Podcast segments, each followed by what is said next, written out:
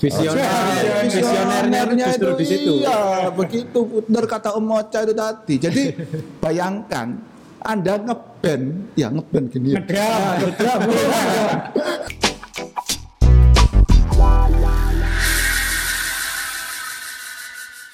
Ya, eh, nggak kerasa Om Rey sudah 10 episode ini. Hmm.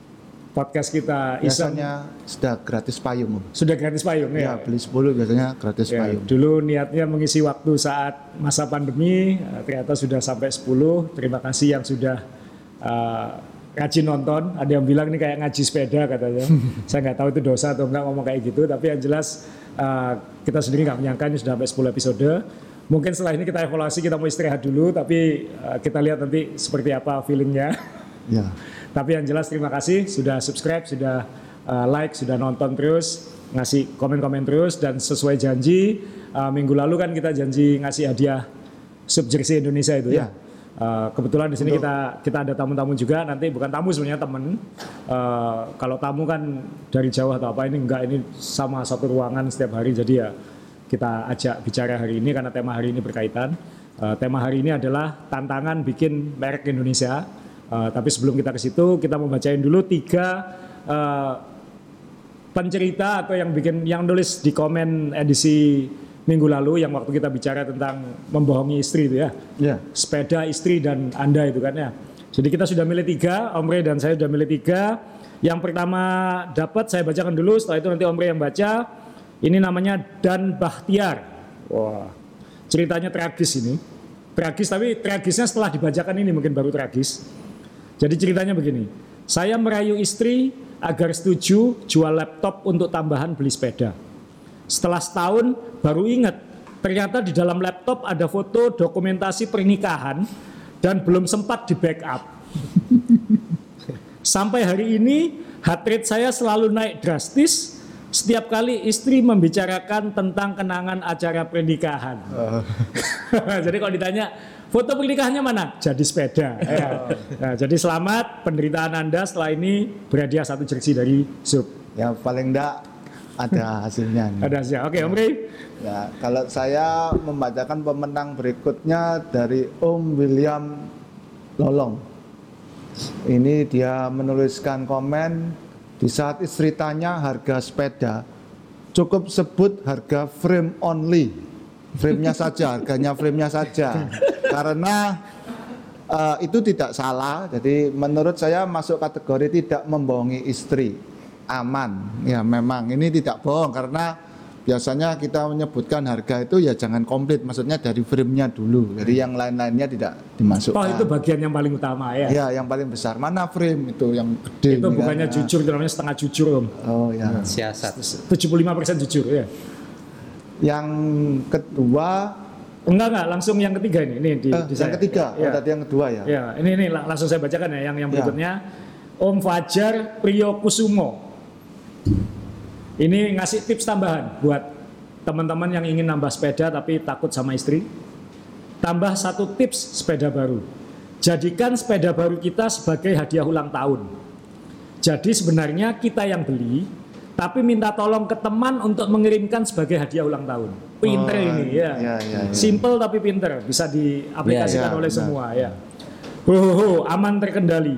Apalagi ditambah kata-kata ucapan yang isinya kibulan. Wah. Ah, Ini saya nggak tahu yang hal-hal begini nih hanya sepeda atau yang lain juga sama istrinya Om Fajar ini. Tapi ya saya yakin istrinya sudah dikondisikan untuk tidak nonton, eh, jadi aman ya. Ya. Jadi selamat kepada tiga itu mendapatkan jersey Indonesia dari Sub Jersey edisi 2020. Nah yang ngasih hadiah ada di depan kita ini. Ya. Jadi eh, di sebelahnya Om Rey itu ada Om Rama, Bagus Ramadhani. Halo. Halo. Om. Ini Ya, halo. CEO-nya Sub Jersey. Jadi kalau pengen tahu selama ini yang pakai tulisan 05AM, 05AM itu, Hmm. nah, yang bikin ini uh, di sebelah saya ini ada Om Ocha, Amdani Ocha. Ini Om Ocha ini adalah direktur kreatifnya Sub Jersey. Jadi Hmm. yang bikin desain, yang yang kenapa kok coraknya seperti ini, kenapa ceritanya seperti ini, ini biasanya kerjaannya Om Ocha. Nah memang uh, sengaja kita hadirkan. Sebenarnya kita ingin datangkan lagi uh, dua orang sebenarnya. Yang satu partner saya di Wednesday Bike namanya John Bumi Harjo, Ya. tapi dia sedang mengurusi burung di Sampit. Loh, kenapa? Bisnisnya burung memang. Oh. Ya, produk dari burung maksudnya. Ya. Tapi sebenarnya sama kan seperti ini. Oh, enggak, Oh, ini ada rambutnya ya. Nanti Bukan fotonya kita tampilin, nanti tolong ditampilin fotonya Om John Bumiharjo before dan after ya, supaya menunjukkan khasiat bersepeda. Karena ada foto sebelum dan foto sesudah. Uh, kemudian ada satu lagi yang sebenarnya kita ingin indung, uh, ki- kita ingin undang, tapi karena situasi agak sulit untuk traveling sekarang ini, uh, orangnya tinggal di Jakarta, namanya Om Edo Bawono. Ya. Dia ini foundernya Strive. Kalau mungkin yang familiar sama Strive, ini uh, Strive Energy Bar ini. Uh, nutrition bar yang kalau misalnya sepedaan sekarang banyak di toko-toko sepeda di Indonesia. Ini ini uh, foundernya salah satunya adalah Om Edo Uh, dan mungkin banyak yang nggak tahu kalau sebenarnya uh, Wednesday Bike yang saya pakai di belakang saya ini kemudian Sub Jersey kemudian uh, Strive Strive Bar ini kemudian juga Om Johnny Ray program lucu sebenarnya kita ini uh, saling menginspirasi dan bermulanya sebenarnya hampir bersamaan semua. Ya. jadi kira-kira 3-4 tahun yang lalu ya eh, waktu itu kan sepeda nggak booming seperti sekarang. Waktu itu eh, kita banyak hobi keliling ya kan kita suka keluar negeri, mengunjungi pabrik-pabrik sepeda, uh, goes ke mana-mana, eh, lihat eh, produk-produk sepeda di berbagai negara dan akhirnya kita saling saling panas-panasi lah, saling bukan manasi negatif ya, tapi saling saling mendorong, saling mensupport untuk ayo bikin apa gitu. Jadi eh, saya sama John bikin Wednesday, eh, sepeda Wednesday, Om Edo dan teman-teman yang lain bikin eh, Strive, eh, Om Rama sama Om Ocha dan ada saudaranya nanti kita undang ke sini juga untuk hi. Terakhir eh, Om Galung, adiknya Om Rama ini yang bikin sub jersey. Eh, kemudian tentunya kalau yang sudah familiar dengan bajunya Om Ray yang lucu-lucu ya memang ada merek Johnny Ray juga gitu. Jadi eh, ini semua merek-merek Indonesia eh, dan memang Om Ray ya sebenarnya kan kita mau ngomong ini kita ngomong merek Indonesia tapi yang kita omongin merek-merek kita sendiri ya. Jadi Ya. eh, mohon maaf kalau ini eh, kalau dianggap ini berpromosi tapi kan sebenarnya kita ingin cerita kan ya. Ya, Karena- awalnya gimana? Awalnya gimana supaya mungkin nanti teman-teman punya inspirasi juga. Mm, betul. Eh, mungkin saya ingin bicara lagi bahwa sebenarnya kan merek Indonesia di sepeda kan juga ada banyak kan ya. Ya, banyak. Om Rama ini dulu manajer tim Polygon Sweet Nice. Ya. Jadi eh, dulu pernah membawa tim balap sepeda eh, Polygon Sweet Nice itu tanding ke mana-mana, eh, balapan ke mana-mana, termasuk ke luar negeri kan kayak gitu. Ya, waktu itu pernah. Pernah. Jadi punya pengalaman lama juga di dunia balap sepeda kayak gitu. Eh, Om Ocha ini ya kelihatan dari badannya dari kita semua dia yang paling cyclist sebenarnya kayak gitu. Jadi ya paling om. Paling. Yang kita pakai casual, dia pakai bib sama jersey. Ya, Jelas Biar paling cyclist. aja ya. Jadi enaknya direktur kreatifnya itu modelnya kayak badan sepeda, jadi bajunya dia coba sendiri kayak gitu. Ya, ya, Ya. Nah, terus kemudian ya sebenarnya di Indonesia kan banyak merek. Tadi tim yang eh, mensupport Om Rama waktu itu Polygon Fitness. Itu kan Polygon, kita Polygon, semua ya. tahu. Ya. ini merek terbesar di Indonesia, salah satu merek terbesar di Asia sebenarnya. Kita harus akui, bahkan mungkin termasuk yang terbesar di di dunia. Ya.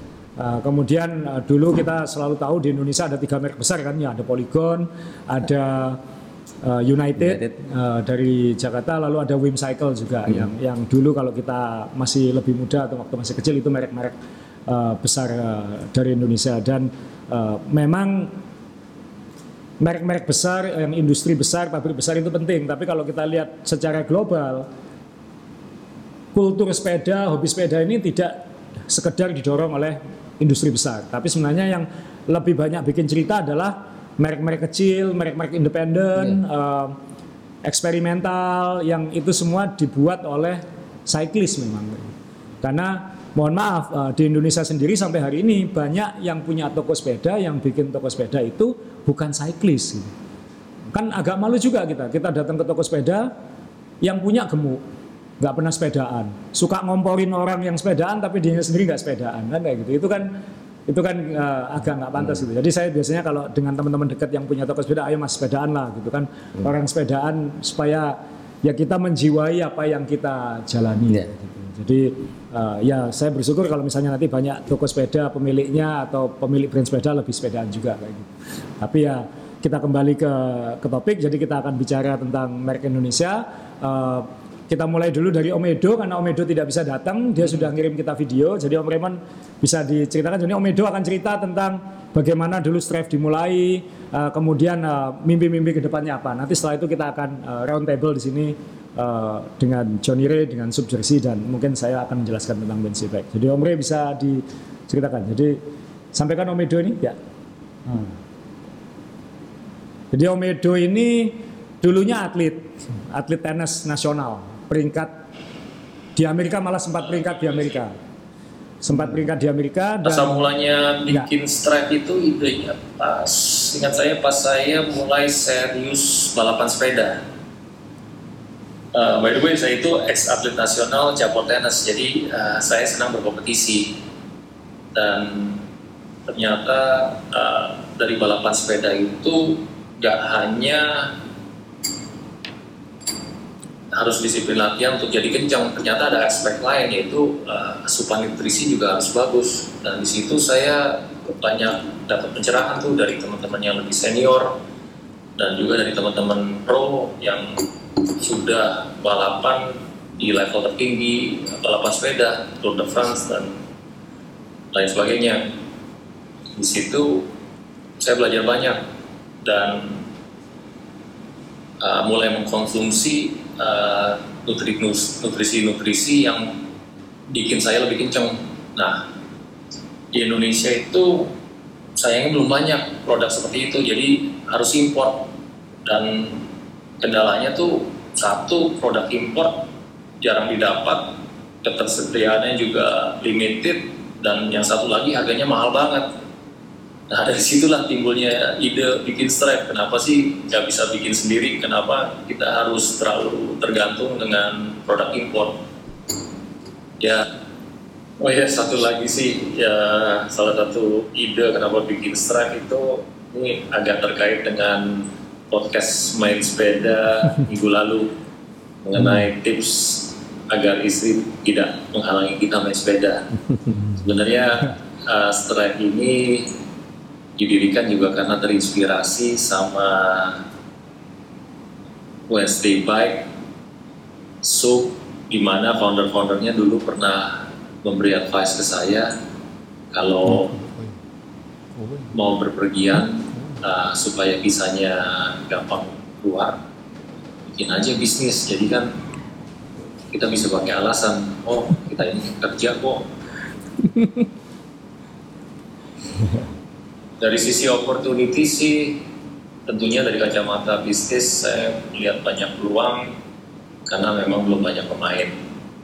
Tetapi kami eh, saya dan beberapa teman eh, mendirikan Stripe ini nggak nggak hanya untuk bisnis project aja kami ingin membuat suatu Stripe ini sesuatu yang bermanfaat untuk rakyat Indonesia. Eh, saya melihat banyak peluang sih, terutama di dunia sports, di, di mana di junior level itu banyak sekali talenta-talenta, tapi eh, masih belum teredukasi mengenai sport nutrition. Dan peluang besarnya lagi juga saya melihat ya hanya di level atlet, tapi setelah Asian Games 2018 itu animo masyarakat terhadap sport saya lihat uh, meningkat pesat sih. Dan sini saya lihat Stripe uh, bisa berperan untuk terus berinovasi uh, membuat produk yang tidak cuma enak tapi bernutrisi tinggi. Dan yang lebih penting lagi harganya terjangkau. Jadi kita nggak perlu lagi beli-beli produk import yang mahal. Challenges challenges awalnya tuh tantangannya eh, edukasi ke teman-teman sih mengenai eh, sport nutrition. Sebenarnya tuh kompetitor Stripe itu paling berat tuh ternyata setelah ngobrol-ngobrol tuh nasi goreng sama soto ayam jadi ya itu salah satu tantangan tuh gimana kita bisa menjelaskan teman-teman eh, gimana Stripe itu lebih baik, lebih sehat dan juga bisa eh, membantu meningkatkan performa di sports. Yang satu lagi tantangannya tuh eh, karena kita ini startup, kita ini budget juga sangat limited. Tapi dalam perjalanan Stripe, puji Tuhan, wah saya sangat bersyukur sekali sih banyak teman-teman ya yang membantu Stripe eh, ingin terus berkembang. Jadi saya sangat terharu uh, karena Stripe ini bukan cuma produk founder-foundernya juga, tapi Stripe ini berkembang karena kontribusi dan kolaborasi dari teman-teman yang uh, kepengen Stripe ini maju uh, sebagai produk lokal yang berkualitas. Untuk long term visionnya Stripe sih, ya tadi saya sudah bilang kalau ini bukan hanya project bisnis kita ini, kami ini punya mimpi sebenarnya. Kalau suatu hari nanti Stripe ini bisa berperan dalam sisi nutrisi untuk membantu Indonesia menghasilkan atlet-atlet uh, kelas dunia. Itu suatu mimpi kami suatu hari nanti, gak hanya di Asian Games, uh, tapi kita juga bisa menghasilkan atlet-atlet yang lebih banyak lagi untuk mendapatkan emas di Olimpiade karena dari situ kami berpikir kalau kami kita sebagai rakyat Indonesia bisa menghasilkan banyak atlet kelas dunia itu kan berarti kan uh, memberikan role model untuk masyarakat Indonesia untuk menginspirasi agar mereka lebih aktif berolahraga dan hidup sehat. Itu sih uh, mimpi-mimpi Strive Jadi uh, ya itu ceritanya Om Edo. Uh, ya memang uh, awalnya memang uh, banyak bersama dan uh, kalau nyambung Om Bre mungkin punya komen tentang ceritanya Om Edo ini. Nih Om Edo ini kalau dulu waktu belum pandemi itu sering datang sini dan masih aktif sepedaan. Ya. Saya paling ngeri kalau Om Edo datang ke Surabaya Om. Kenapa? Karena pasti tidak ada sesi makan-makannya. Ya. Setuju itu. Dan Dia dia tuh kalau ke mana-mana konon katanya mbak timbangan. Jadi Iya. karena dia berkompetisi beratnya tuh harus ideal di suatu titik Iya. gitu. Nah dulu waktu dia pertama kali berguru sama saya itu saya enggak tahu karena ketika itu kan saya tanya om eh, boleh makan? Terus dia dia lihat jam gini sebentar. Loh kenapa om? mau lihat ganjil apa genap tanggalnya? katanya. Loh kenapa? Saya kalau makan cuma nunggu tanggal ganjil saya kaget itu sampai bingung lihat gini terus dia ketawa ah enggak bergurau gitu tapi ketika dia senyum itu saya masih horor gitu ya maksudnya wih gila enggak makan sehari penuh nih orang ini gitu Tapi kalau nggak salah Om Edo tuh juga ngitung ya makannya tuh ya. Sangat Kalorinya tuh dihitung bener tuh dia tuh. Iya. E- Edo ini dulu atlet atlet elit ya. Jadi atlet elit dia pasti ngitung semua hal yang bisa dianggap meningkatkan performa. Saya sendiri juga sama ceritanya kalau lagi ke Jakarta gitu janjian sama Edo, tiba-tiba Edo bilang, "Asri makan." Tata tata. Makan beneran atau makan kelinci ya?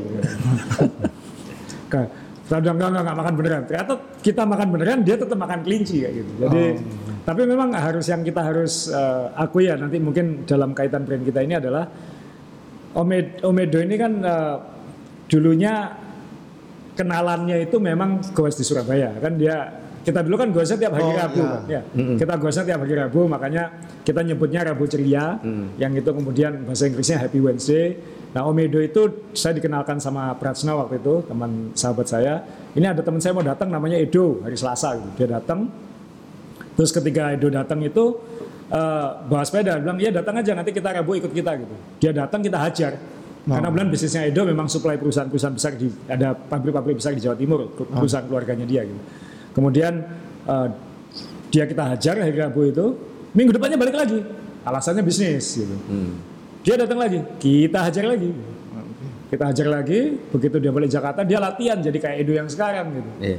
Akhirnya dia ya kurus dan mungkin kalau kalau us, kelompok usia saya ya 40 sampai 45 mungkin di Indonesia dia mungkin paling paling top kayak gitu. Dan dia sampai ikut kejuaraan dunia Grand Fondo amatir kan ya, kejuaraan dunia Grand Fondo di Italia waktu Di itu Itali, ya. mewakili Indonesia eh, kelompok umur kita. Jadi setelah kita hajar dia malah jadi ikut balapan internasional kita masih di sini. Dan waktu itu saya suka sama Omedo ini enaknya persahabatan kita ya. Omedo balapan di Italia waktu itu pakai jersinya sub Ya. dan pakai sepeda Wednesday merah putih seperti yang ada di di belakang saya ini. Jadi uh, nanti fotonya kita pasang juga. Jadi uh, memang ya ini uh, yang namanya yang beliau sebut saling saling dukung itu. Jadi ya uh, kita senang karena belakangan Strive memang maju banget. Ini rasa favorit saya Koko Pandan. Sukanya yang mana? Eh, semua kalau menurut saya hampir sama Om. Hampir sama. Karena ketika sudah capek itu ya pokoknya ada manisnya gitu jalan.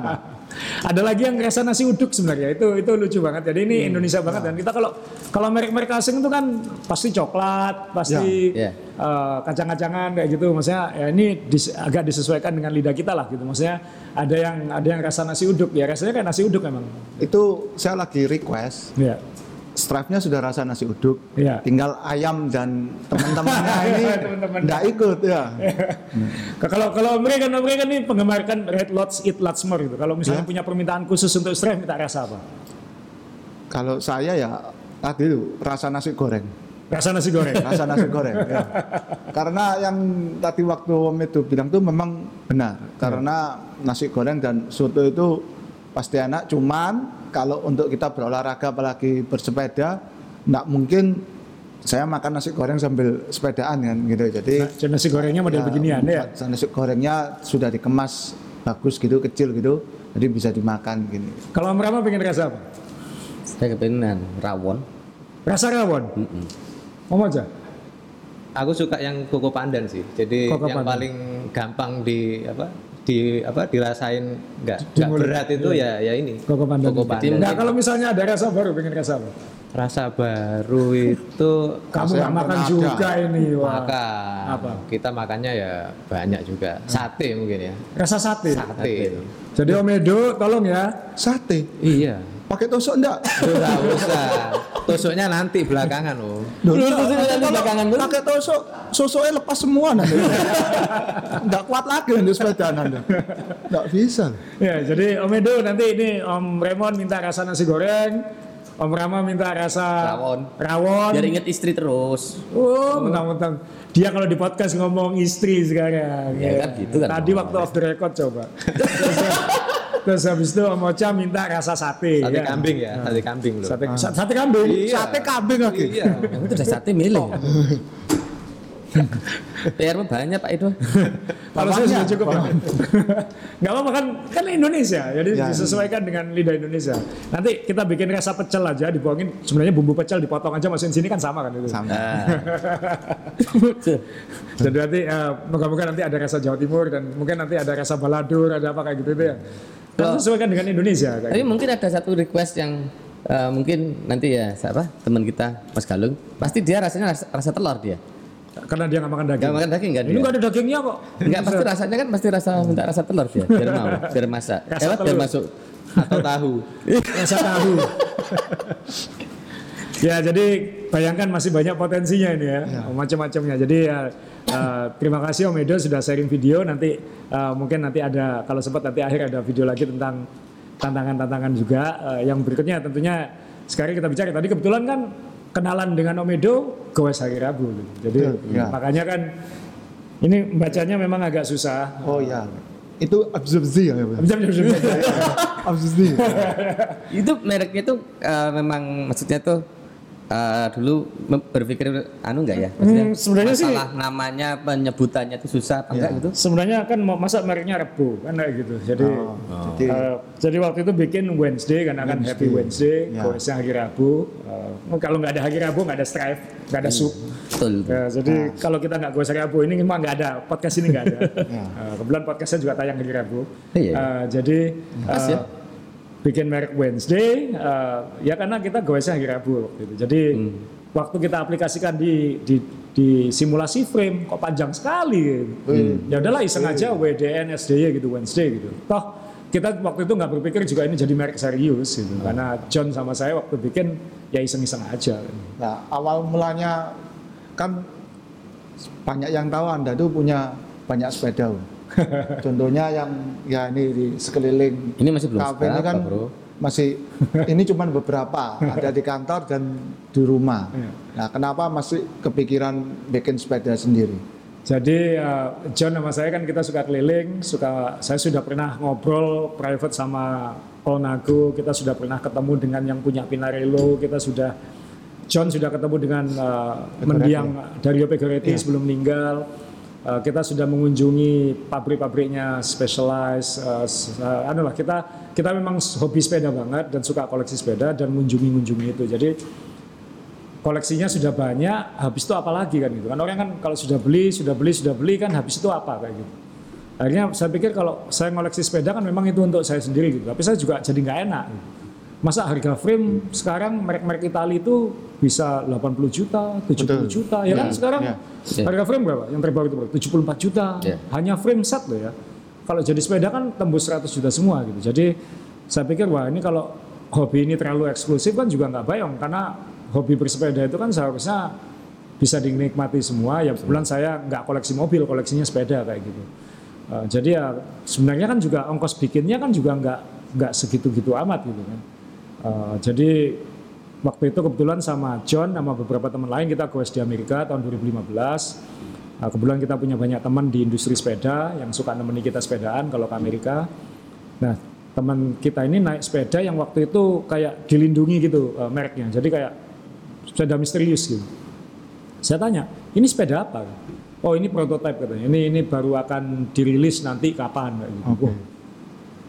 Keren juga eh, kenalan-kenalan kita ini. Gitu. Dan ternyata terus ya karena teman dan lain-lain, langsung kamu bikin merek sepeda aja, kamu sudah terlalu banyak sepeda katanya.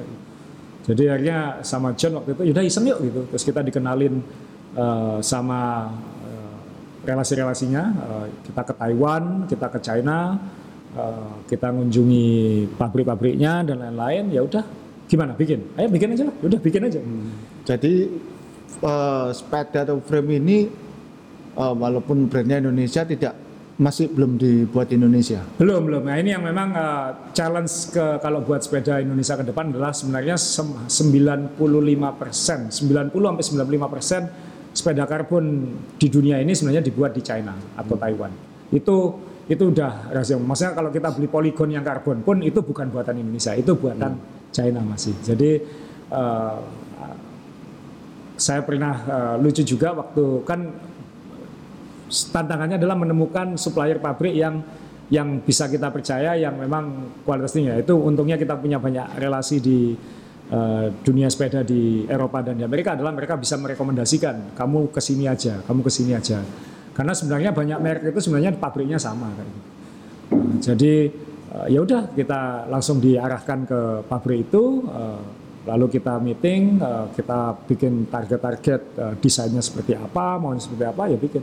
Malah eh, ini bukan berarti ini mendahkan ya karena memang aturan negara-negara itu beda soal tulisan made in itu. Oke. Eh, jadi kita pernah eh, ngunjungi pabrik-pabrik itu bilang loh ini kan made in Italy gitu. Oh enggak enggak kita yang nulis made in Italy. Jadi bahwa tulisannya made in Italy pun itu belum tentu made in Italy.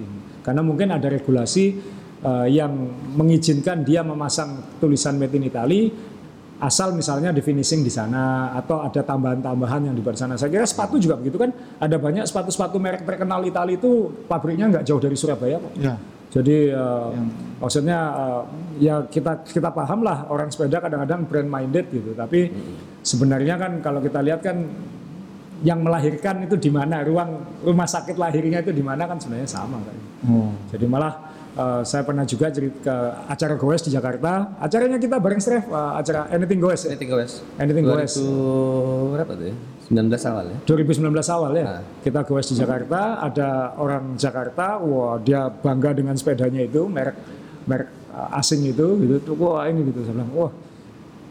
Dapat di mana saya tanya? Oh, belinya di sini gitu. Iya. Dalam hati saya, saya tahu persis frame-nya itu lahirnya di ruangan yang sama dengan frame Wensi.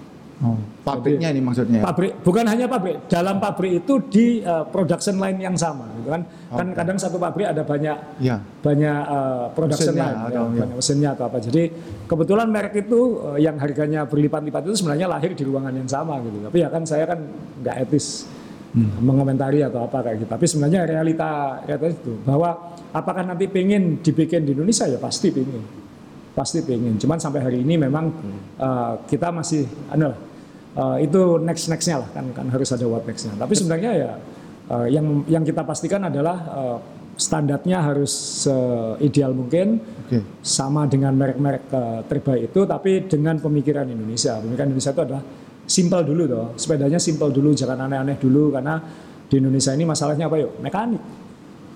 Beli sepeda mahal dibawa keluar pulau nggak ada mekanik hancur semua sepedanya karena eh, pemahaman tentang sepeda modernnya belum ada misalnya. Jadi Wednesday ini kita bikin sesederhana mungkin. Terus Jadi ya- itu apa? Aku mau tanya juga tuh. Ya, Di Wednesday itu kan pasti ada stiker UCI apa? UCI. UCI ya. Ya.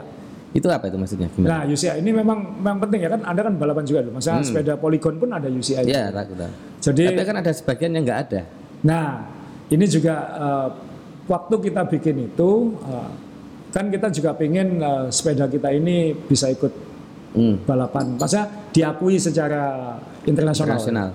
Akhirnya ya sama John waktu itu Pak kita urus ke UCI aja gitu. Itu juga bukan sesuatu yang yang susah. Kan. Hmm. Pak, Syarat-syaratnya berat, tapi ngurusnya kan nggak nggak susah. Maksudnya asal kita mau ngurus dan mau repot dengan segala testing dan lain-lainnya itu sebenarnya eh, bisa kita jalani. Jadi itu harus banyak pihak ya. Maksudnya kita harus koordinasi dengan pabrik, dengan engineer-nya, dengan eh, konsultan-konsultan kita yang bantu di Amerika juga kayak gitu. Jadi kemudian eh, kita ajukan ke UCI supaya dapat namanya sertifikasi UCI. Jadi sepeda balap WNC ini boleh digunakan di balapan-balapan internasional. Meskipun pro juga boleh berarti kan. Pembalap pro boleh pakai. Makanya kita uh, Sip nih. ya kan kita nyponsori tim tim di Amerika juga. gitu. Kita nyponsori tim namanya Point S Nokian itu. Uh, tim balap perempuan profesional tapi itu salah satu tim paling top di Amerika. Jadi uh, sepeda kita sudah balapan di ya agak bangga juga sih ngelihat. Uh, Iya. Om Rama ikut waktu itu tahun lalu ya, dua tahun lalu.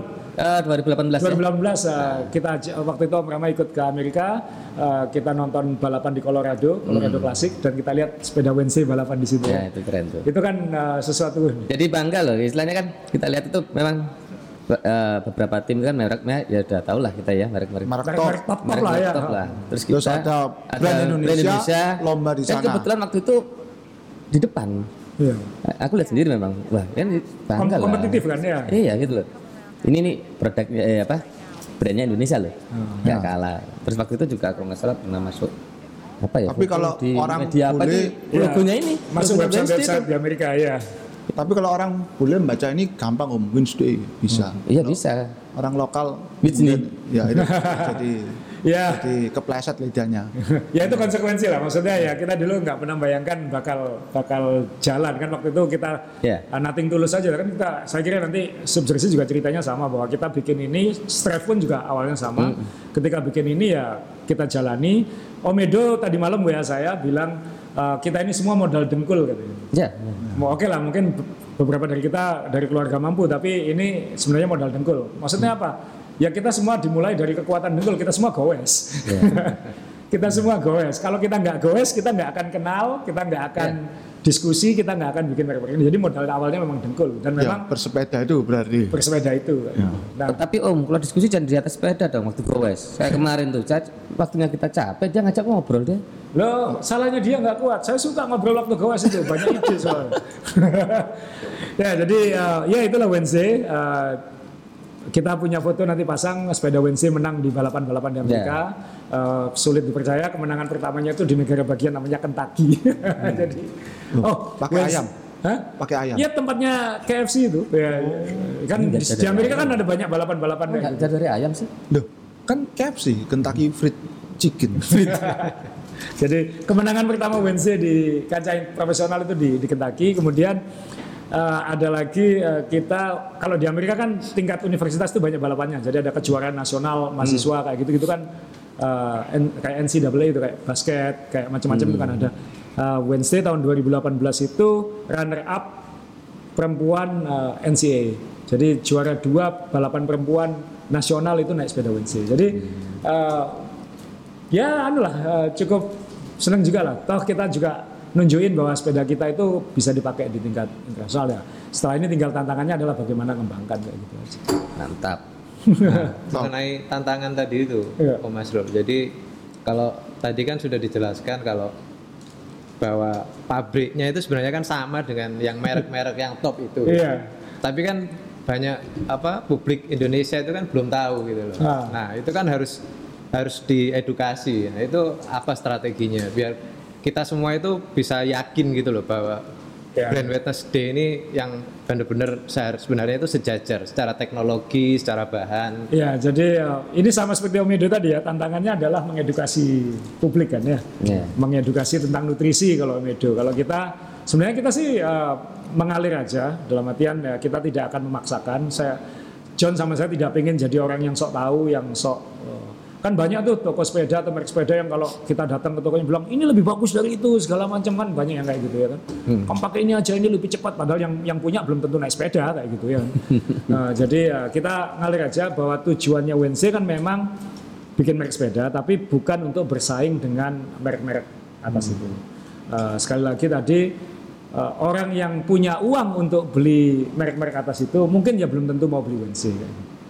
Ya, kan? tapi uh, WNC ini adalah supaya yang yang tidak mampu kan lebih banyak kalau kita lihat piramid penduduk kan pasti lebih banyak yang tidak mampu daripada Ya. yang mampu. Nah, supaya yang uh, yang kurang yang tidak semampu yang di pojok itu tetap bisa beli sepeda dengan quality yang yang yang sama. Bagus. Kualitinya itu apa sih sebenarnya kan sepeda itu kan kita nggak bisa bilang eh, ini made in China, ini made in Taiwan, ini made in Amerika, ini made in Italy gitu. Karena sebenarnya materi karbon itu sendiri produsennya sangat sedikit di dunia. Eh, kalau kita familiar dengan istilah Toraika itu kan Ya. ya.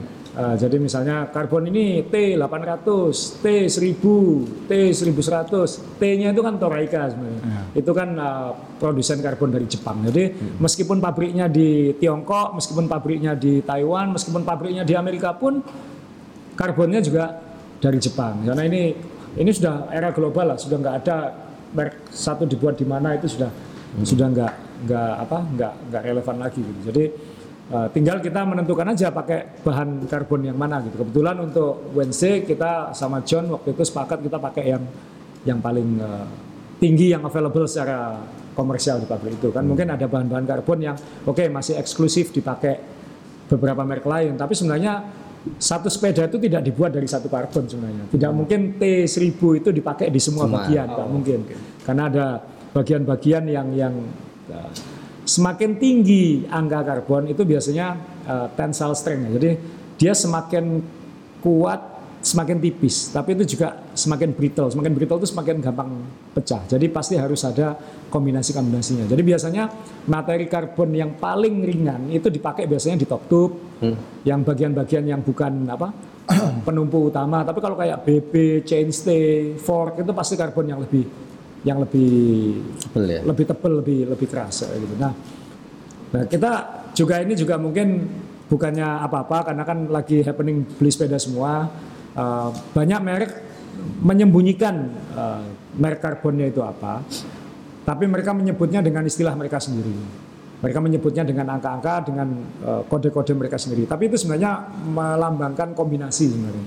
Jadi mungkin dia nyebutnya ini, tapi itu sebenarnya pasti ada toraikanya, pasti ada apanya kayak gitu. Jadi eh, ya kayak kita beli baju lah ya, maksudnya kan ada katun, katun 40, katun 30 atau apa kayak gitu. Jadi sebenarnya sama saja. Nah kadang-kadang sepeda yang sangat high end itu karbonnya pasti sangat bagus. Tapi merek merek terkenal kalau itu yang versi murah itu biasanya malah karbonnya malah yang yang rendah karena kan mereka harus punya margin cukup Margin, ya margin Ya. cukup untuk untuk jualan. Jadi misalnya ada satu sepeda yang sama yang satu level SL misalnya itu karbonnya Toreika 1000 misalnya. Tapi mungkin level Pro-nya itu mungkin Toreika 700 mungkin. Kalau Toreika 700 itu lebih grade-nya lebih rendah daripada misalnya eh, AJ62-nya WNC gitu. AJ62-nya WNC itu eh, T800 masih kayak gitu. Jadi eh, ya agak sulit menjelaskan dalam podcast pendek ini tapi sebenarnya adalah eh, kalau di WNC kita kita pasti pingin yang karbon tinggi. Ketika kita datang ke pabriknya kamu pengen yang mana? Kamu yang paling bagus di sini ada apa? Ya itu gitu aja. Nah, Jadi ya waktu bikin AJ1, AJ1 itu kita dulu nggak mikirin.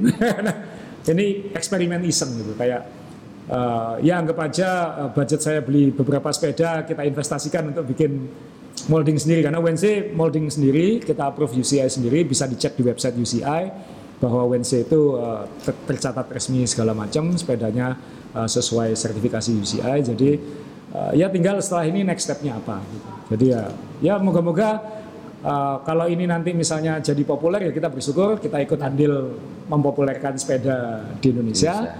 Uh, kalau enggak ya minimal ini jadi katalis gitu maksudnya bahwa eh Indonesia kalau mau bisa. gitu. next levelnya apa ya saya pasti pengen dibuat di Indonesia itu pasti pengen tinggal uh, nggak mudah kan karena karbon ini kan uh, Iya. di, di di China pun di Taiwan pun di satu kawasan biasanya karena ada kaitannya dengan karbon itu kan bahan bahan apa Limbahnya itu ya. limbah dan lain-lain itu jadi ya kita harus memikirkan ya ini nanti visi negaranya seperti apa Ya. itu tantangannya jadi ya saya kira uh, kalau buat WNC ya seperti itu kita masih punya beberapa produk-produk lagi nanti yang moga-moga nanti uh, cocok dengan Indonesia Surprise berarti ini. ya jangan diomongin dulu lah kan Berarti kan surprise. kan Kalau dari saya nyambung yang tadi tuh soal yang beli brand ini dan sepeda ini. ya Kalau menurut saya untuk mencoba sebuah sepeda atau menilai sebuah sepeda itu enak atau enggak, cepat apa enggak, itu cuman satu. apa itu Dicoba dan dipakai jauh. Oke. Kalau memang mau kerasa sepeda ini mampu apa enggak, ya kembali ke tadi tuh, ikutlah hari Rabu atau Sabtu, terutama kalau si Oren datang. Iya.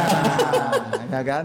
Itu. Jadi sepeda apa pun nanti bisa tahu ya Iya. paru-parunya yang nggak kuat, kakinya nggak kuat atau salah sepedanya. Kan bisa di situ ya. Ya, jadi Nah. kebetulan kita punya laboratorium top di Surabaya ya. Karena Ya. kan uh, goes kita termasuk yang paling serius di sini katanya sih. Sampai banyak teman-teman dari luar kota katanya banyak pengen gabung kan kayak Ya. gitu. Jadi ya, di di acara Rebo dan Sabtu kita kalau itu ujian untuk semua dia. Ya, dan juga kan kalau tadi Om Masrul ngomong eh, mungkin yang di piramida sos- sosial itu di ujung-ujung itu tidak mau membeli sepeda ini mungkin, tapi paling enggak ya mungkin saya bisa ngajak mereka untuk ya kalau ada lebih kenapa nggak dicoba, Iya. ya kan? Kalau memang toh yang buatan Indonesia ini lebih bagus, lebih enak, ya mereka kan bisa menghargai itu dengan memakainya. Kalau Iya. memang nggak enak, ya pakai lagi brand yang Yang lain. yang lain itu kan gitu. Yang paling nggak udah pernah beli dulu ya kan. Itu. Ya kalau mau ngetes kan kita juga siapin test pack. Ya, ada test kalau- pack-nya juga ya. Dan uh, yang yang saya paling lega adalah sepeda kita ini sepeda kita ini sebenarnya layak karena kan uh, saya kan orangnya suka penasaranan uh, John sangat afid sepedaannya Suka sangat kuat penasaran? suka penasaran maksudnya Oh. suka suka mutak-mutik suka macam-macam. Jadi Kayak arwah berarti. sialan jadi dulu waktu mikirin mikirin geometrinya Ajewan misalnya kayak gitu kan ya ini bener nggak ya? Atau aku ini ngawur ya kira-kira gitu. Tapi ternyata uh, kan pasti ada konsultannya teman kita yang di Amerika itu lalu uh, dengan di Taiwan dengan di China.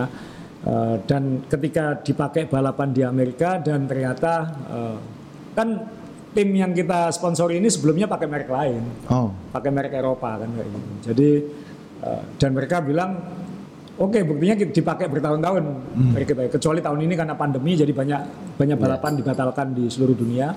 Eh, tapi eh, selama 2017-2018 itu sepeda kita sangat sangat dipakai gitu. Bahkan ada pembalap eh, kan tim ini kan pembalapnya ada yang dari Prancis, ada yang dari eh, eh, dari Amerika, ada dari negara-negara lain kayak gitu. Mereka juga bilang ini dibandingin sepedaku yang tahun lalu lincahan ini katanya kayak gitu. Jadi itu seperti apa ya? Vindikasi ya bahwa oh, pengakuan bahwa sepedamu ini eh, benar kayak gitu. Jadi ya kita makanya kita datang ya waktu itu kita datang kita ajak Om Rahman juga ya kita pengen tahu benar feedback feedback mereka kayak gitu. Kalau lihat di IG-nya WNC kan ada testimoni pembalap-pembalapnya juga kayak gitu. Itu kebetulan pembalap itu termasuk yang yang paling top juga. Jadi ya kita lega lah. Maksudnya kita nggak salah jalan lah kira-kira kayak gitu. Buktinya sampai hari ini yang merek sepeda Indonesia yang balapan di Amerika ya Wednesday gitu. untuk balapan road Iya. kayak gitu. Jadi ya kita lihat nanti evolusinya seperti apa gitu ya. Saya bersyukur juga se- kita sekarang kesulitan memenuhi permintaan.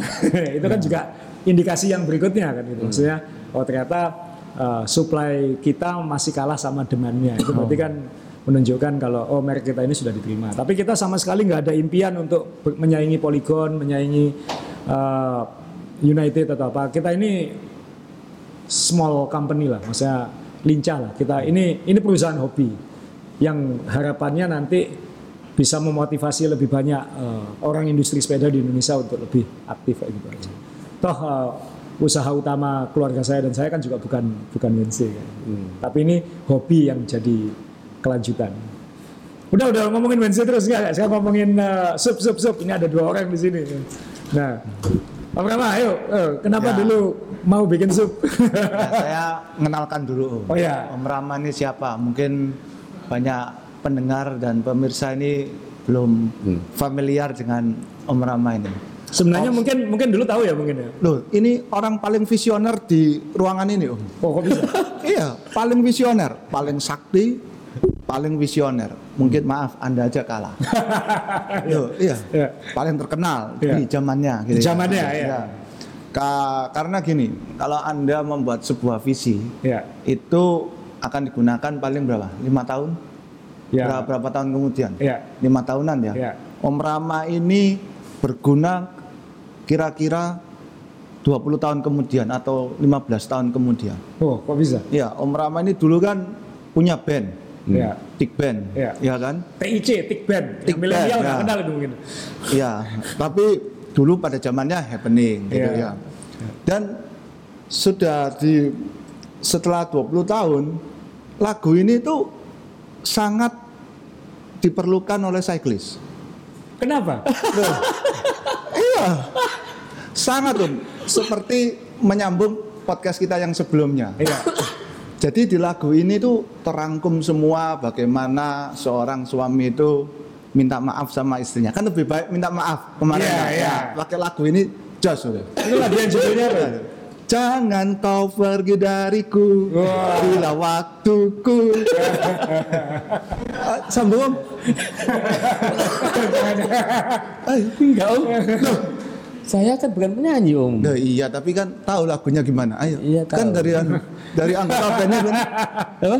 Dari anggota bandnya gimana? Syairnya Om.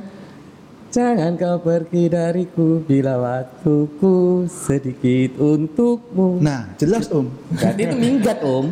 Loh, itu kan Kamu minggat minggat, sepedaan. Nah, itu kan. Nah, ini minggat sepedaan. Saya waktu lihat klipnya lagi itu ada adegan yang laki noto Oh iya iya buat, iya iya iya. buat itu kan mau ceritanya mau ke event Om. Nah, Kok bisa event loh? Loh, kan. Konsepnya enggak bukan event tuh. Om. Itu kan- mau kuliah itu ceritanya, bukan itu kan 20 tahun lalu Om. Ini kan Visioner, Visioner- visionernya itu di situ. Iya, begitu benar kata Om Mocha itu tadi. Jadi bayangkan Anda ngeband, ya ngeband gini ya. Ngedram, ngedram. Anda ngeband 20 tahun yang lalu itu bisa dipakai sampai sekarang. Nggak banyak itu seperti gitu. Dan lagi Anda masuk dunia sepeda di mana banyak laki-laki perlu minta maaf karena waktunya banyak untuk bersepeda. Ya ini lagunya. Ya, lagu Anda, ya anda kita ya ber- dari berempat ini. Kira-kira yang keliling Madura itu Mm-mm. Ya, itu pro- siapa? 300 kilo. Ya, Kit, ya kamu nggak ikut dan Bukan, kita tapi ada dari salah satu ini, Ya. cuman ngomong dia gowes itu aja. Oh. Nggak ngomong kalau 300 kilo. Oh, Terus habis itu pulangnya Ini, minta ini, maaf. ini ini loh. pulangnya minta maaf. ya, orangnya minta maaf. Asli Pak, nyetel lagu ini enggak? Justru itu kan mempraktekkan teorinya. Iya. Lebih baik minta maaf daripada Nah, minta izin. Ya. Iya, tapi ditelepon temennya, Bos. itu loh. Jadi ini Om Ocha ini juga ngasih contoh kita waktu itu goes 300 kilo dari matahari terbit sampai matahari terbenam. Ya. Ternyata Om Ocha ngaku ke istrinya goes gitu Gowes itu aja. aja. Udah. Istrinya bingung sampai sore nggak pulang-pulang yang diteleponin temannya. Ternyata dia ya setelah goes dari Madura itu dia bilang ya maaf tadi saya goesnya keliling Madura. Ya. Lebih baik minta maaf. Maaf. Lebih gampang minta maaf daripada, Daripada minta izin. Nah, kalau perlu lagunya cari Tik Band ini Tik terbaik untukmu. Terbaik untukmu. Ya, jadi kalau yang lihat wajahnya Om Rama ya sekarang Beda sudah lah, beda dulu kan rambutnya masih Masih lengkap. itu. Sekarang udah agak agak ya perlu perlu perlu di Dulu Itu kan kebanyakan sepedaan, Om. ngangin. Naik. jadi jadi Om Rama, Om Rama ini sebenarnya kalau di antara kita semua mungkin yang lebih dulu sepedaan ya daripada kita ya. Ya, aku 2008. 2008, saya 2011. Om Rey? Oh enggak enggak, sorry. Aku sepedaan itu justru yang ngajak dia. aku yang Loh, malah dia yang duluan. Iya. Oh. Jadi ini gimana nih dunia kebalik-balik di sini? jadi dia dulu ngajain aku sepedaan. Kebetulan waktu itu sama teman-teman sih, Iya. teman-teman rekanan kerja waktu itu Iya. ya. Rekanan kerja eh, kita gowesnya cuma 13 kilo ya waktu itu ya. itu Ya, udah spektakuler dulu ya. Oh, itu 13 kilo bro, pulang naik taksi bro. itu sampai maghrib, itu badan panas. Iya. Jadi kan berapa ya 2008 ya? 2008. 2008. 2008, 2009. Jadi ini sebenarnya teman lama ya, teman teman Aku kuliah. mulai kuliah, jadi Mas Ocha ini temanku kuliah. Jadi pertama kali masuk kuliah, ya duduknya sebelah gitu. Ya, sampai sekarang di kantor juga Kuliah di sebelahan. mana? ITS. Dispro. ITS itu kepanjangannya apa? Hah? Jawab. Ini mesti jepang pertanyaan ini. Institut Teknologi 10 November. Soalnya kan orang kira Institut Teknologi Surabaya. Ya, karena saya sering gitu sih. Ada yang lebih ekstrim, Institut Tengah Sawah. Dulu sekarang sudah enggak. Ya. Jadi ya ini memang eh, sekali lagi eh, brand-brand yang kita bicara ini kan semuanya bermulai dari pertemanan kan ya. Ya. Pertemanan ya itu ya. Nah dulu ceritalah ceritalah gimana eh, nanti Om Ocha akan bicara soal desain tapi Om Ya. Rama cerita tentang eh, mulainya. Jadi dulu kan eh, saya terus eh, kita sama teman-teman adalah komunitas di Surabaya ya waktu itu ya. Kita itu sering eh, membuat jersey untuk komunitas gitu. Cuman kebetulan Untuk komunitas kita kan. Ya, kebetulan ini kita, kita. semua sebenarnya satu komunitas. Nah, gitu. jadi kebetulan Om Rey, ya. di kebetulan itu waktu itu komunitas itu ada ini Om Masrul, Om Re, Om Ocha pun juga ada di Om situ. John Bumi Harjo Om juga John ada. juga ada. Iya. Jadi eh, kebetulan waktu itu saya yang ngurusi jersey kan. Ya.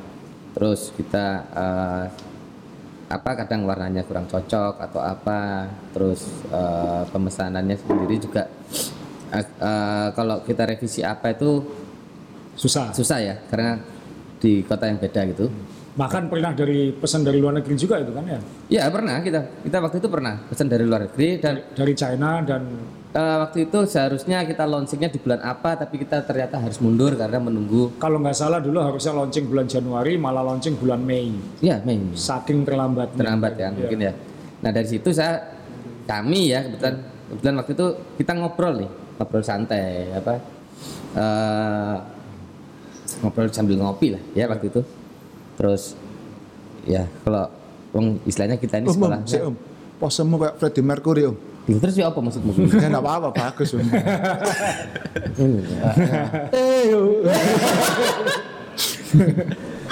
Mana ya itu terus akhirnya kita anu lah iseng ngobrol ayo kita coba Eh, mestinya kita bisa kok. Apa maksudnya itu?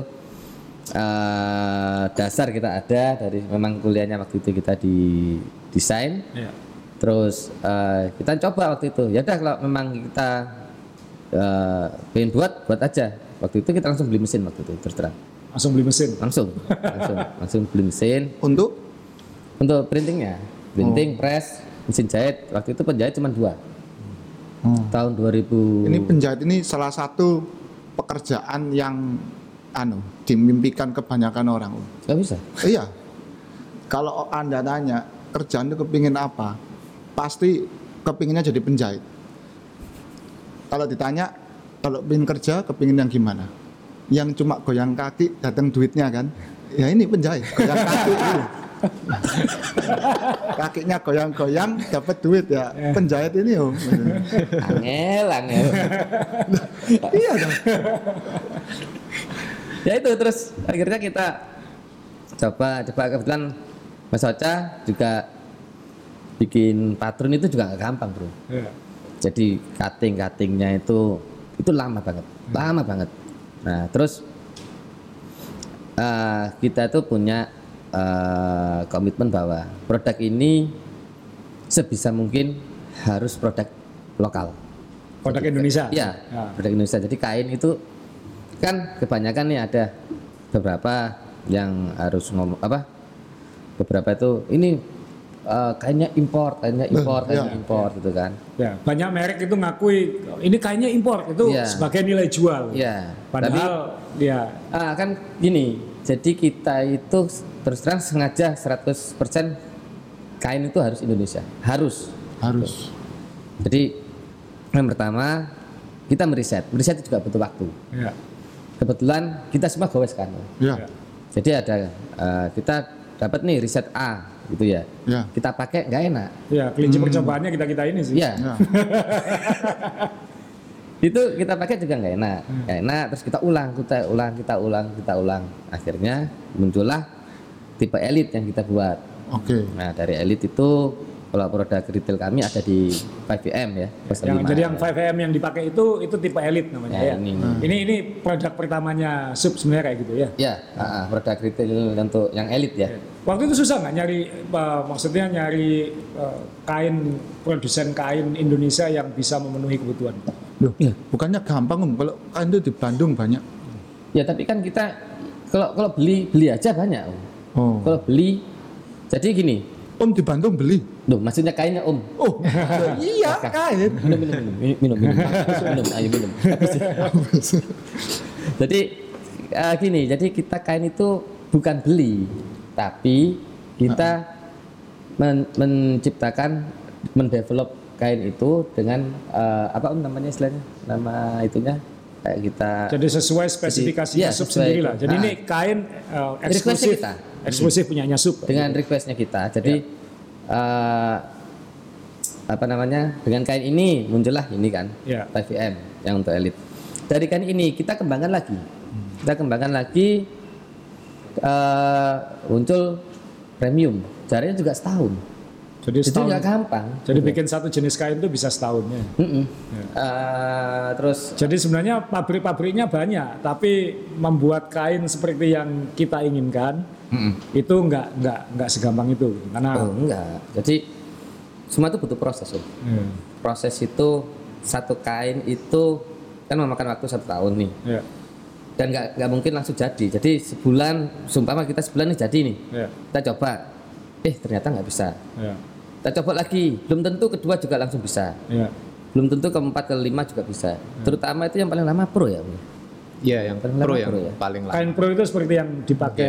Om Ocha. Jadi Yang tahun ini pakai. sub launching sub pro itu ya. Sub pro, ha. Jadi yang uh, level profesional yang memang impiannya sudah bukan lagi bikin jersey untuk penghobi, tapi untuk Iya. atlet level profesional. kan. ya jadi sebenarnya di Indonesia sendiri tuh bisa kok Bikin bisa kain itu bisa jadi tergantung kita eh, apa developnya bagaimana Tapi dulunya kan nggak bukan untuk dipakai profesional kan dulunya kan memang untuk bikin untuk komunitas kan. Iya, awalnya untuk kan- memenuhi komunitas sendiri gitu. Iya, komunitas komunitas kita sendiri waktu Komunitas itu. kita sendiri, Nah, iya. Terus kebetulan Anda kan ada event waktu itu kan? Ya, waktu itu juga sama ini uh, Hmm. kayak tum- tumbuh ketemu tutup apa istilahnya? Ya, tumbuh. Ya, jadi kalau istilah itu dia, Bro. botol ada ketemu ada yang tutup. punya, ada yang butuh kayak gitu. Ya. Jadi uh, kebetulan mungkin juga banyak yang tahu saya banyak bikin event uh, uh, Hmm. waktu itu bikin event sepeda juga udah udah lama tapi juga waktu itu juga bikin event lari sebenarnya. Nah, waktu itu saya sebel gitu. Ini pesertanya lebih dari 5.000 orang. Dan waktu itu kan kebanyakan event lari di Indonesia atau event sepeda itu kan uh, atau event lari lah itu kan pakai merek asing kan ya, pakai merek, merek branded branded itu kan. Mm. Merek branded itu kan tidak mensponsori. Mereka kan tidak ngasih uang untuk event ini. Mereka juga tidak belum tentu ngasih uang untuk memajukan olahraga di Indonesia. Mereka kan juga mencari, mereka kan bisnis juga kayak gitu. Jadi saya sebel kita yang kerja keras banting tulang bikin event di sini, yang ikut orang Indonesia, yang bayar orang Indonesia, yang ngerjain orang Indonesia, tapi uang uang aparelnya keluar negeri Iya, itu. hanya karena mereknya merek merek asing karena kita harus beli ke mereka dengan jumlah tertentu dengan harga tertentu dan tidak fleksibel juga tadi masalah seperti Yeah. komunitas kita jadi kalau udah segini segini ukurannya harus fix kalau kurang bagaimana berarti harus beli lebih kayak gitu jadi kan wah ini kan nggak asik juga gitu akhirnya ya untungnya anda bikin sub itu Yeah. gitu. jadi ya udahlah bikin aja sendiri di sini malah lebih enak karena bisa sesuai kebutuhan pas, bisa desainnya bisa lebih fleksibel karena waktunya bisa lebih fleksibel, harganya juga jauh lebih terjangkau ya karena memang Iya. uangnya yang muter di Indonesia tidak perlu disetorkan ke luar negeri kan kayak gitu. Jadi kalau kalau dari sub itu kan eh, sebisa mungkin orang gowes itu keren dengan harga yang terjangkau. Dengan harga yang terjangkau ya. Iya, jadi Jadi kan masa jersey sepeda kan ya mohon maaf kita juga termasuk ya Bre ya. Maksudnya kita kita juga dulu beli jersey-jersey yang harga juta-jutaan Ya, itu ya. juga juga ada sampai hari ini juga ada tapi Ya. sama dengan sepeda tadi kan sebenarnya kan itu kan yang bikin mahal kan sebenarnya bukan ongkos bikinnya kan. iya, iya betul. karena kan ada dari sana ke sini ada macam-macamnya kayak gitu jadi ya harga terjangkau komunitas, komunitasnya naik ke premium, nah sekarang muncul kebutuhan bikin pro kan Ya, gitu ya. jadi eh, apa namanya? Kepinginnya kita itu memang eh, menunjukkan bahwa Indonesia itu bisa, bisa Indonesia itu. Jadi uh, saya tekenin uh, sub ini kainnya pun harus dibuat Di Indonesia. harus dibuat di Indonesia. Iya. Jadi beda dengan ya ini yang saya suka adalah kalau merek-merek lain bilang ini kainnya impor, ini kainnya impor gitu. Ini malah Indonesia. Ah, Saya malah bangga Indonesia Oke Indonesia-nya ya. Jadi ini memang makanya tagline-nya apa? Proudly Broadly Indonesia. Proudly Indonesian. Iya. Jadi kan kita sebenarnya eh, waktu kita berproses develop kain itu eh, kita juga dapat tawaran dari produsen luar juga sih sebenarnya. Dapat. Jadi kain-kain itu mereka sempat kirim sampel. Ya memang kita lihat wah ini bagus ini. Jadi eh, setara lah sama yang brand-brand yang Oh. berharga-harga mahal itu kan. Tapi karena kita sudah komitmen ya tetap kita akhirnya kembalinya ya udah apa ini kain-kain yang bagus ini kita jadikan untuk belajar ya. tapi tetap kita develop kita apa produsennya itu harus harus, Harus di sini. dari Indonesia, Dari gitu Indonesia. dan uh, kita request ke ke pabrik rekanan kita dan ternyata mereka sanggup kok bisa memenuhi apa yang kita mau speknya kita minta yang apa yang uh, setara yang pro yang kita apa keluar sekarang ini itu uh, mereka bisa memenuhi itu gitu. Jadi sebenarnya asal ada yang nantang aja Iya, bisa betul. sebenarnya. Iya. Dan uh, pihak pihak apa produsen kainnya pun juga akhirnya setelah tahu produknya yang jadi yang kita ini mereka juga ikut bangga kan loh. Ternyata kok hasilnya kok jadi begini mereka kaget juga gitu loh. Wow juga gitu. Karena kan kalau masih berupa kain kan mereka belum bisa bayangin tuh. Ya. Jadi ya itu, jadi ini milih jalan yang sulit. tuh. Kalau tadi yang paling gampang itu tadi kan, oh toh kain bisa impor kok Ya. dari eh, dari Tiongkok bagus-bagus banyak gitu. Bagus. Toh yang merek-merek merek-merek Itali, merek-merek anu itu paling juga dari sana kan, Sama, kayak gitu. Sama, ya. dari sana juga. Sampel yang dikirim itu ya sama dengan merek-merek itu. Nah, sekarang bisa enggak jelaskan ke pendengar kelebihannya apa kain untuk cyclist itu sama kain untuk baju sehari-hari itu bedanya apa? Yang membuat sulit apa? yang Jadi di- tuntutan utamanya ya, apa, kan ya? nanti bicara soal spesifikasinya enggak ketemu apa yang dimaksud spek itu kira-kira apa buat pengguna? Misalnya kalau dipakai bisa ngilang dah, dah ya apa kan?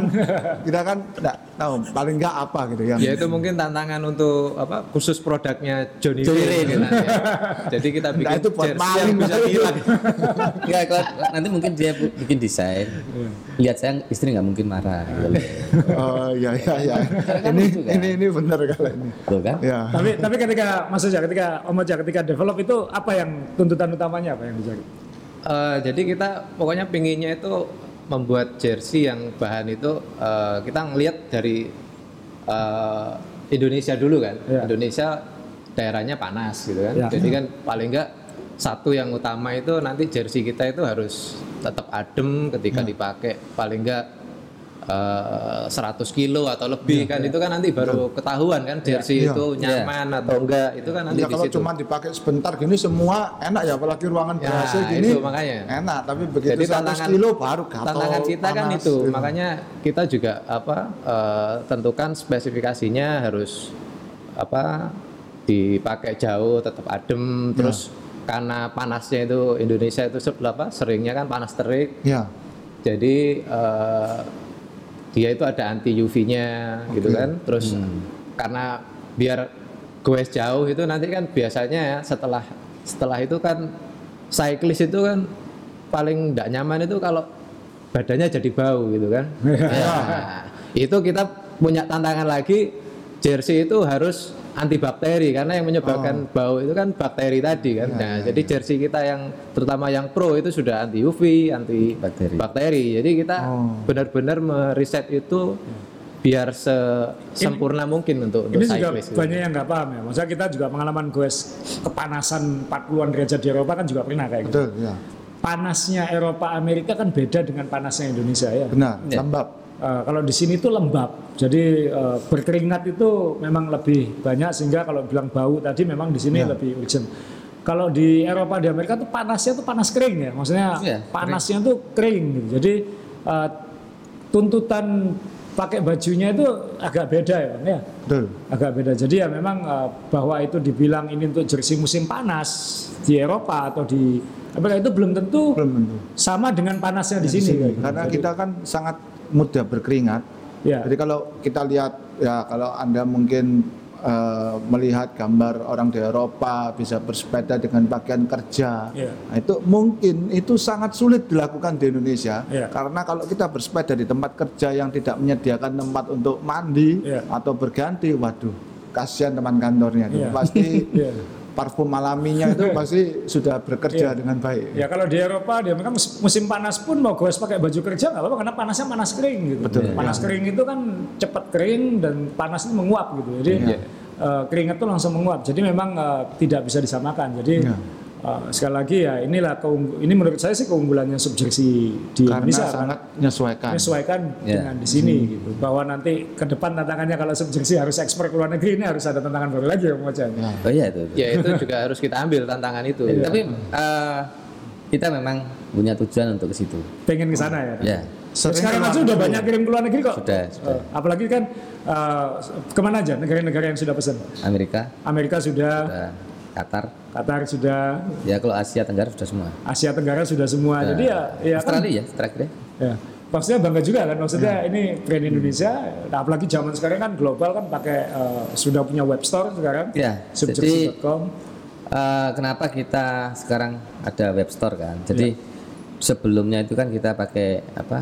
Admin WA. Iya. Nah, Tradisional masih ya, cara- cara ah, jualan IG banyak ya. komplain karena nggak direspon, nggak direspon ya karena eh, kita mau merespon si A seumpama gitu ya kita sudah merespon nih sumpah klik ini tapi ternyata kan gulung gulung gulung gulung karena kita per hari itu lebih dari 500 bahkan 1000 WA yang harus ditangani Nah, akhirnya kita mencoba eh, itu termasuk. WA pribadi. enggak om lain om itu Oh, om maaf, maaf. Iya. Ya, teruskan, teruskan. Ya, jadi ya, jadi intinya gila, saya saya saya rangkum ya karena kita kita kan tetanggaan. Jadi waktu sub jersey meluncing jersey Indonesia, jersey Indonesia itu yang ada di belakang Om ini tahun 2020 eh, ya itu saking tingginya demand permintaan itu semua sistemnya Jebol. sub jersey jebol. jebol Jadi websitenya crash, eh, IG-nya kacau, Kacau.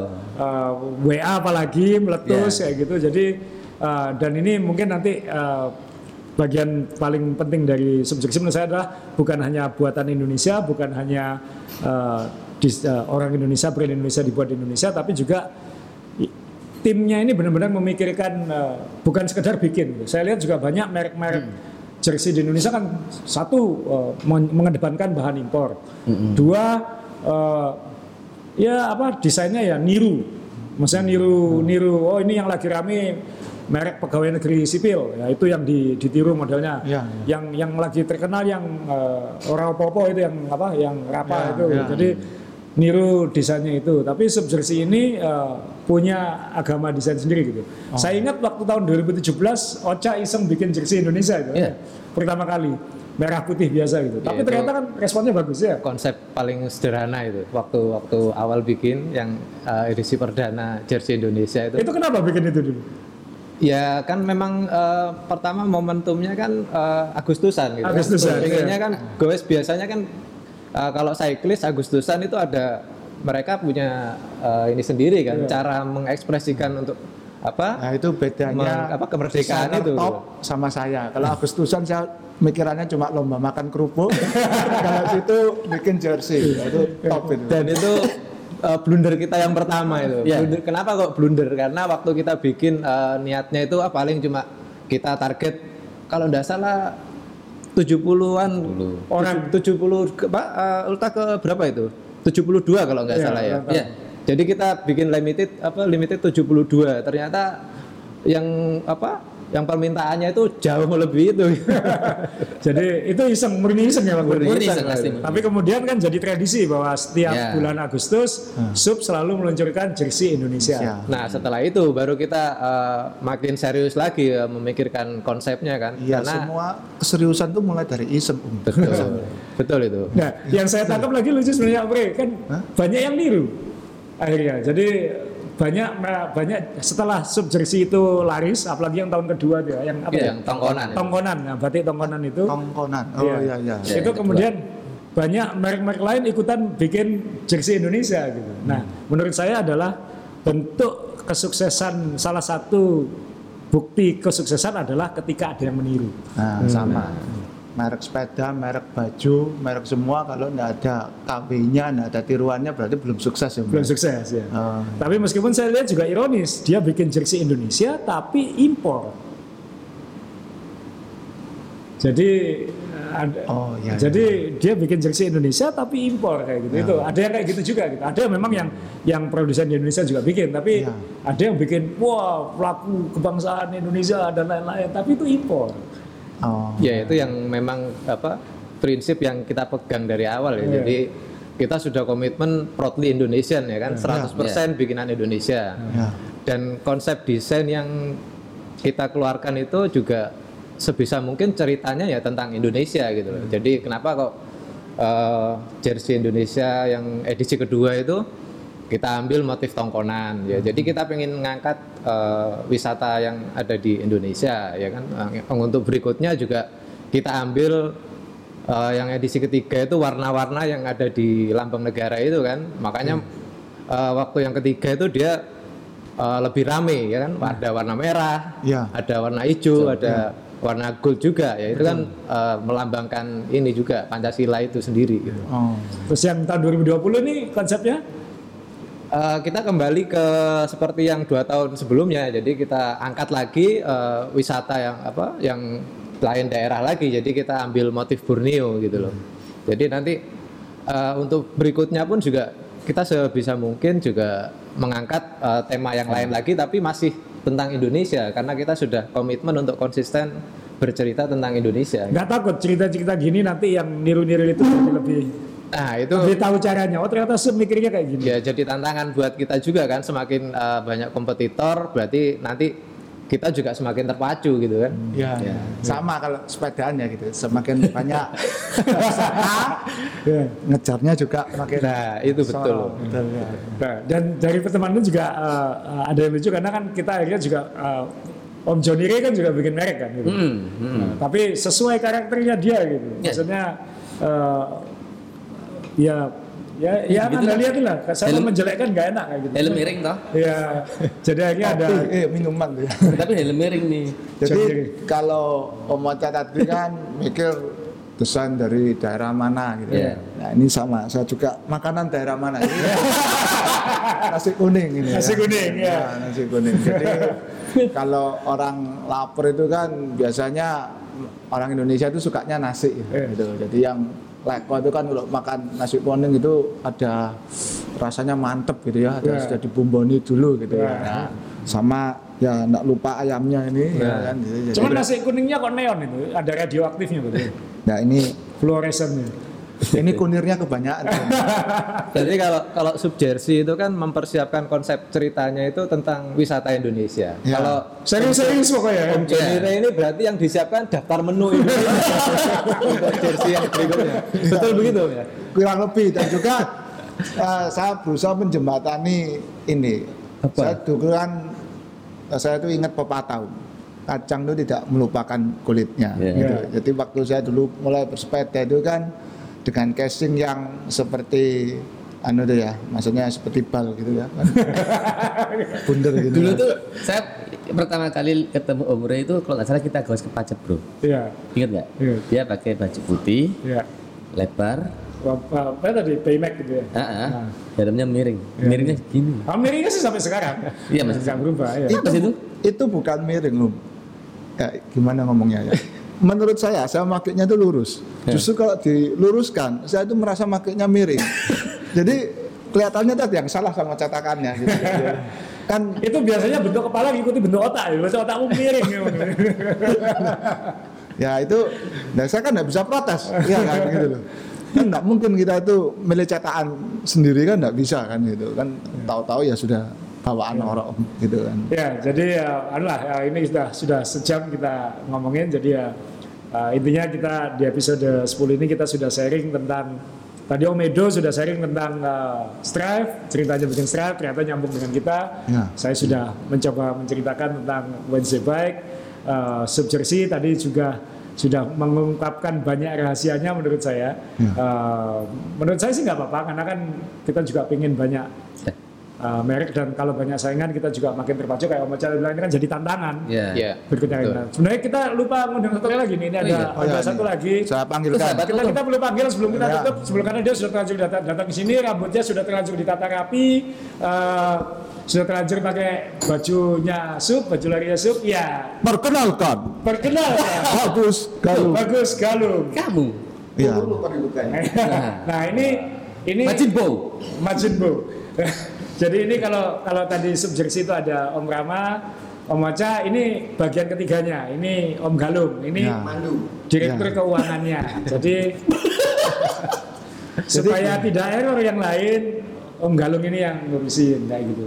Ngurusin dan ngurusin sekarang. Karena, karena yang dia yang ma- paling majin bo sekarang katanya gitu. Jadi uh, belakangan justru yang paling rajin goes yang ini gitu. Jadi Ya. ini keluarga subjeksi udah kelihatan semua di sini. Jadi kalau pesaing-pesaing yang pengen nyantet uh, pengen ngirim bingkisan-bingkisan beracun, pengen ngirim uh, apa kutukan-kutukan supaya bisa menyaingi uh, ya ini gitu. Karena memang uh, menurut saya uh, subjeksi termasuk sukses story sih buat sepedaan di Indonesia karena Amin. lucu. Maksudnya saya goes di Jakarta lihat pakai sub. Saya goes di kita goes di Makassar ya. Ya. Uh, banyak pakai sub. Uh, kita goes di Lombok, kita goes di Bali pakai sub. Jadi sebenarnya nggak dirasa sebenarnya ya ini ini sebenarnya sudah nomor satu di Indonesia menurut saya kayak gitu. Amin. Buktinya begitu launching yang Indonesia sampai hancur semua sistemnya ya kayak gitu.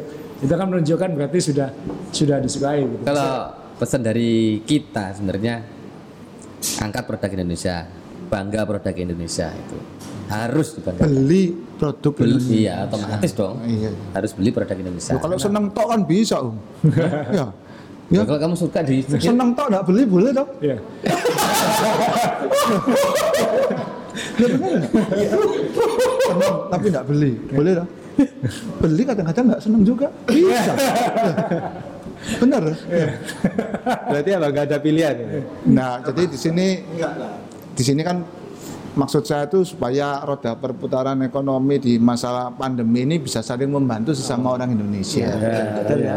Ya. Yang penting intinya tetap bangga produk Indonesia. Ya, betul ya. harus Betul ya, duitnya. Ya, jadi eh, itu episode 10 kita. Eh, terima kasih sudah memperhatikan. Mungkin di atas semua ini tema yang paling serius ya. Ya. Tapi akhirnya di sini kita bisa mengeluarkan unek-unek kita di sini bahwa eh, masa untuk memajukan cycling di Indonesia ya kita harus eh, bangga dengan brand kita sendiri Ya. lah kayak itu. Mungkin eh, kayak Wednesday mungkin kita masih dalam proses supaya dibuat di Indonesia, tapi sudah banyak contohnya yang memang sudah dibuat di Indonesia dan semuanya sudah 100% Indonesia kayak gitu. Jadi ya eh, ya moga-moga pandemi segera berakhir. eh, eh, kita semua bisa segera ketemu. Tadi kita sebenarnya pengen Om Edo ada di sini, bukan lewat bukan lewat video, tapi terima kasih Om Edo sudah sharing eh, ceritanya. Eh, tantangan eh, produk Indonesia ternyata masih edukasi ya. Ya. Kalau kita bicara tadi, Sum masih harus mengedukasi bahwa ini benar-benar brand Indonesia dan buatan Indonesia. WNC masih harus mengedukasi bahwa sepeda itu sebenarnya eh, kurang lebih eh, sama. Eh, kemudian eh, Om Edo tadi harus mengedukasi bahwa eh, sa- nutrisi itu penting, bukan sekedar eh, makan kayak gitu. Eh, jadi ya moga-moga nanti hobi sepeda ini bukan sekedar musiman. Ya. Sekarang lagi booming. Ya. Moga-moga setelah itu Ya benar-benar kan, berlanjut. cyclist baru itu memang perlu dipandu. Ya. Jadi karena karena lagu aja ada pemandunya, apalagi cyclist. Jadi arah bagaimana mereka bersepeda itu. Biar tidak tersesat ya, Mel. Iya. Nah, maksudnya kan fungsi bersepeda itu tidak hanya hari ini, tapi sampai berapa lama mereka bersepeda, manfaat di badannya itu kan bisa mereka rasakan gitu. Betul, Jadi kita yang sudah lama bisa memandu mereka, oh set sepedaan itu seperti gini, kenapa kok jersinya seperti itu kok tipis. Mungkin kalau orang nggak sepedaan kan, eh maksudnya yang pertama kali sepedaan kan agak risih ya, kok baju kok ketat banget gitu ya, Iya. nempel kulit semua. Nah itu kenapa kan dijelaskan. Kalau bajunya terlalu kombor, terlalu nyaman ketika bersepeda ini kita kayak layar terkembang gitu ya. Kita bukan perahu layar. Jadi nanti berat waktu sepedaan kena angin kan gitu. Jadi harus ketat. Harus ketat. Jadi desain jersey ini agak menipu angin. Jadi kan licin supaya anginnya cepat lewat. Salah satunya gitu. Jadi ya itu tadi uh, kita tutup Om Rey. Ya. Nah, jadi sekali lagi terima kasih. Kalau nanti ada teman-teman punya komen tema podcast berikutnya apa atau punya masukan buat Subjersey, buat Wednesday, buat uh, buat Strive, uh, pengen rasa apa Strive, uh, nanti kita siapin hadiah. Uh, nanti ada hadiah lagi dari Subjersey, dari Johnny Ray, uh, mungkin juga dari Wednesday dan saya yakin Om Edo juga siap. Bagi-bagi hadiah. Orangnya nggak ada di sini, jadi saya bikin Om Om Edo akan kasih hadiah, kapok kayak gitu. Jadi uh, kita akan uh, berikan hadiah buat komen-komen. Ini hadiahnya bisa banyak ini karena yang ngasih hadiah banyak. Jadi kita tunggu komen-komennya dan uh, semoga uh, podcast ini bermanfaat. Amin. Dan sebagai penutup, nanti saya minta tolong tim uh, putarkan lagu judulnya Terbaik untukmu. terbaik untukmu dan siapa tahu anda bisa menangkap Om Rama di situ. Jangan-jangan nanti tidak menduga kok dulunya kayak gitu sekarang kayak gini ya gitu. Nah, jadi ya apakah itu lebih baik atau lebih buruk? Anda nikmati videonya. Waktu